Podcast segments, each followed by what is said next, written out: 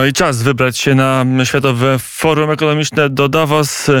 Hmm, będziemy o tym rozmawiać na początek z naszym gościem, z przedstawicielem Związku Przedsiębiorców i Pracodawców Michał Banaś, Warsaw Enterprise Institute, wydawnictwo. Między innymi dzień dobry. Dzień dobry panu. Tak dla sprecyzowania, konkretnie to dla Warsaw Enterprise Institute e, zajmuję się e, wydawnictwem, ale jak najbardziej jestem e, zainteresowany również tym, co się obecnie dzieje w, w szwajcarskim Davos gdzie zjechały się elity gospodarcze, polityczne i debatują na temat naszej przyszłości. Dzień dobry, panie redaktorze. I tego, jak będzie wyglądał, jak ma wyglądać świat. No właśnie, wojna, wojna i tylko wojna, czy jakieś jeszcze tematy się przewijają w pierwszym dniu obrad Światowego Forum Ekonomicznego w Davos? To panie redaktorze, tak na wstępie to e, bardzo celnie pan sparafrazował słowa e, pewnego sławnego włoskiego arystokraty właśnie wojna, wojna i wojna. No jednak mimo wszystko, e, chociaż ta, e, te obecne wydarzenia e, w świecie politycznym, no, chodzi konkretnie właśnie o konflikt na Ukrainę, zdominowały rozmowy i panele dyskusyjne w szwajcarskim Davos, to jednak mimo wszystko nadużyciem byłoby powiedzenie, że całkowicie Światowe Forum Ekonomiczne zrezygnowało z retoryki, którą utrzymywało przez lata, tą, którą, tą, którą tak jakby narzucił Klaus Schwab e, w swojej książce właśnie Wielki Reset, e, kapitalizm interesariusz. E, generalnie po fiasku, znaczy czy można fiasku, raczej niepowodzeniu ubiegłorocznego e, forum ekonomicznego e, związanego z pandemią. Ciężko było przypuszczać, że tegoroczna edycja już, która odbyła się w normalnej formie, zostanie, będzie oscylowała wokół innego tematu niż pandemia.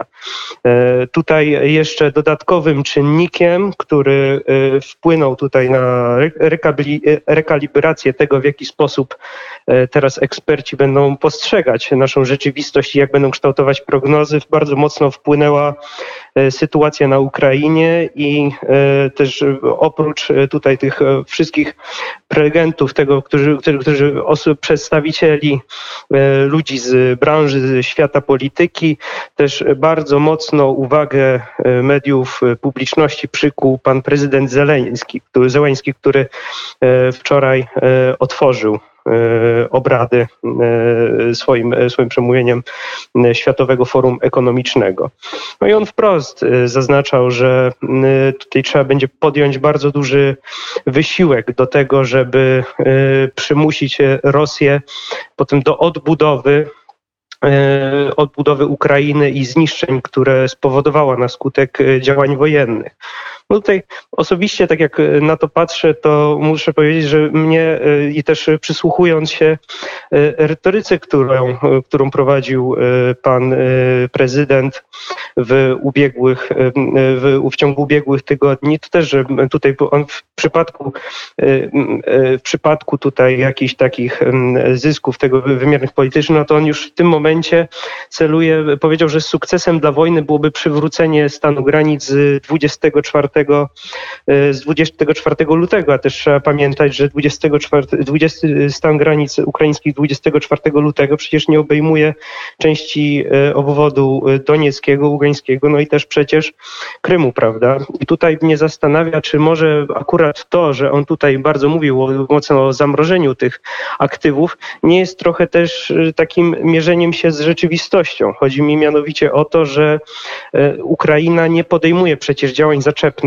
na terytorium Rosji. Stara się tak jakby dojść do momentu, gdzie mm, ta granica rosyjska y, była przed 24 lutego, a ciekawe, czy może nawet i przed, y, i w, czy w roku 2014, prawda? Więc może tutaj y, on liczy w ten sposób na to, że w przypadku potem zawarcia pokoju, czy tutaj siła, powiedzmy, znacząca siła ekonomiczna, polityczna, gospodarcza Unii Europejskiej i osób, które zgromadziły się na forum ekonomicznym, pomogłaby potem nacisnąć, wywrzeć odpowiednią presję, żeby jednak Ukraina sama nie pozostała z tym wszystkim, bo wiadomo, że Rosja też ciężko jest mierzyć, czy ona jest faktycznie na tyle słaba, na ile wygląda, czy może jest odwrotnie. W historii bywało różnie, a tutaj, e, czy e, tutaj w tym momencie, patrząc na to, w jaki sposób przedstawiali swoją siłę Rosjanie w ciągu e, ubiegłych, ubiegłych lat. Czy oni faktycznie tutaj blefowali, czy jeszcze mają potencjał, czy, czy, czy jest szansa na odwrócenie kolejów wojny? No ciężko powiedzieć z tego względu, że w tym momencie, w tym momencie jest, nastąpił pewien przezwój, prze, przestój w sytuacji, która ma miejsce na froncie, a Europa jest, mierzy się z problemami energetycznymi i też żywnościowymi, co również zostało podkreślone przez przewodniczącą Komisji Europejskiej Ursulę von der Leyen, która y, była jedną z prelegentek na, y, na kongresie, który odbywa się właśnie w ostatnich dniach.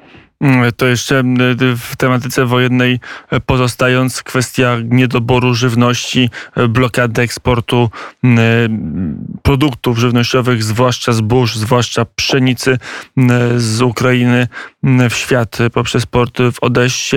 Jak to wszystko jest analizowane i na ile to ta widma no niemalże globalnego głodu czy, czy globalnego kłopotu z żywnością jest omawiany w Davos? Czy pojawiały się jakieś rozwiązania, jakieś pomysły jak sobie poradzić w tej trudnej sytuacji. Więc panie redaktorze, na tę chwilę pojawiły się deklaracje. No, też y, miejmy nadzieję, że tutaj powiedzmy faktycznie ta polityka Unii Europejskiej, którą kreuje no, de facto przecież Niemka, y, pani przewodnicząca Ursula von der Leyen, będzie zupełnie inna. Ona mówiła wprost i zaznaczała, że właśnie y, miesięcznie Ukraina każdego roku eksportowała 200 milionów ton zbóż. Znaczy, przepraszam, 50 milionów. I w tym momencie, od momentu rozpoczęcia wojny na Ukrainie, zablokowany jest właśnie 200 milionów. A ta y, kwota miesięcznie zmniejszyła się do około 1 miliona 200 tysięcy, więc to jest, y, to, to, to, jest, mówimy tutaj o y, rzędach no, mających znaczenie tutaj nie tylko w skali europejskiej, ale światowej. Zaznaczała przy tym, że problem, e, problem e, właśnie niedoboru żywności dotyka też państwa afrykańskie.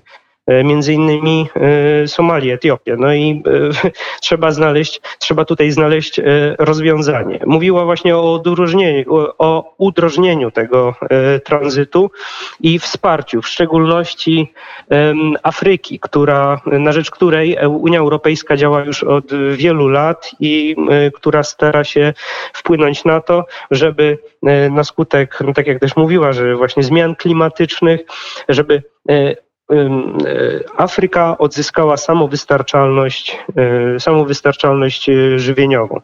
No też to nie było tylko też takie tutaj, to nie było taka, ta, ta tutaj jej wypowiedź nie była taka też stricte globalistyczna, ale też nawiązywała tutaj do problemów energetycznych tych powiedzmy tutaj środkowoeuropejskich. Mowa tutaj o Polsce, Litwie, Łotwie, Estonii, o państwach bałtyckich.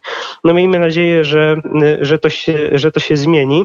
Jeśli tak, w tym momencie, tak jak patrzę na agendę i to, co się e, dzieje i omawia w tym momencie w Davos, to jednak tak jak e, tendencyjnie dominują takie mocno technokratyczne tematy mm, związane z, mm, związane z właśnie ograniczeniem e, śladu węglowego, przygotowaniem do następnej pandemii, no i znaczy na przykład kształtowaniem, teraz właśnie o godzinie 17 trwa panel związany z kształtowaniem zintegrowanego systemu energetycznego. No, no, e, to wszystko jest wymieszane właśnie z kwestiami, z kwestiami tutaj obronnościowymi, z kwestiami bezpieczeństwa, też właśnie militarnego, tak jak na przykład Teraz właśnie o godzinie 17 też odbywa się panel związany z, poświęcony e, potencjalnemu włączeniu e, państw skandynawskich do NATO. Więc tutaj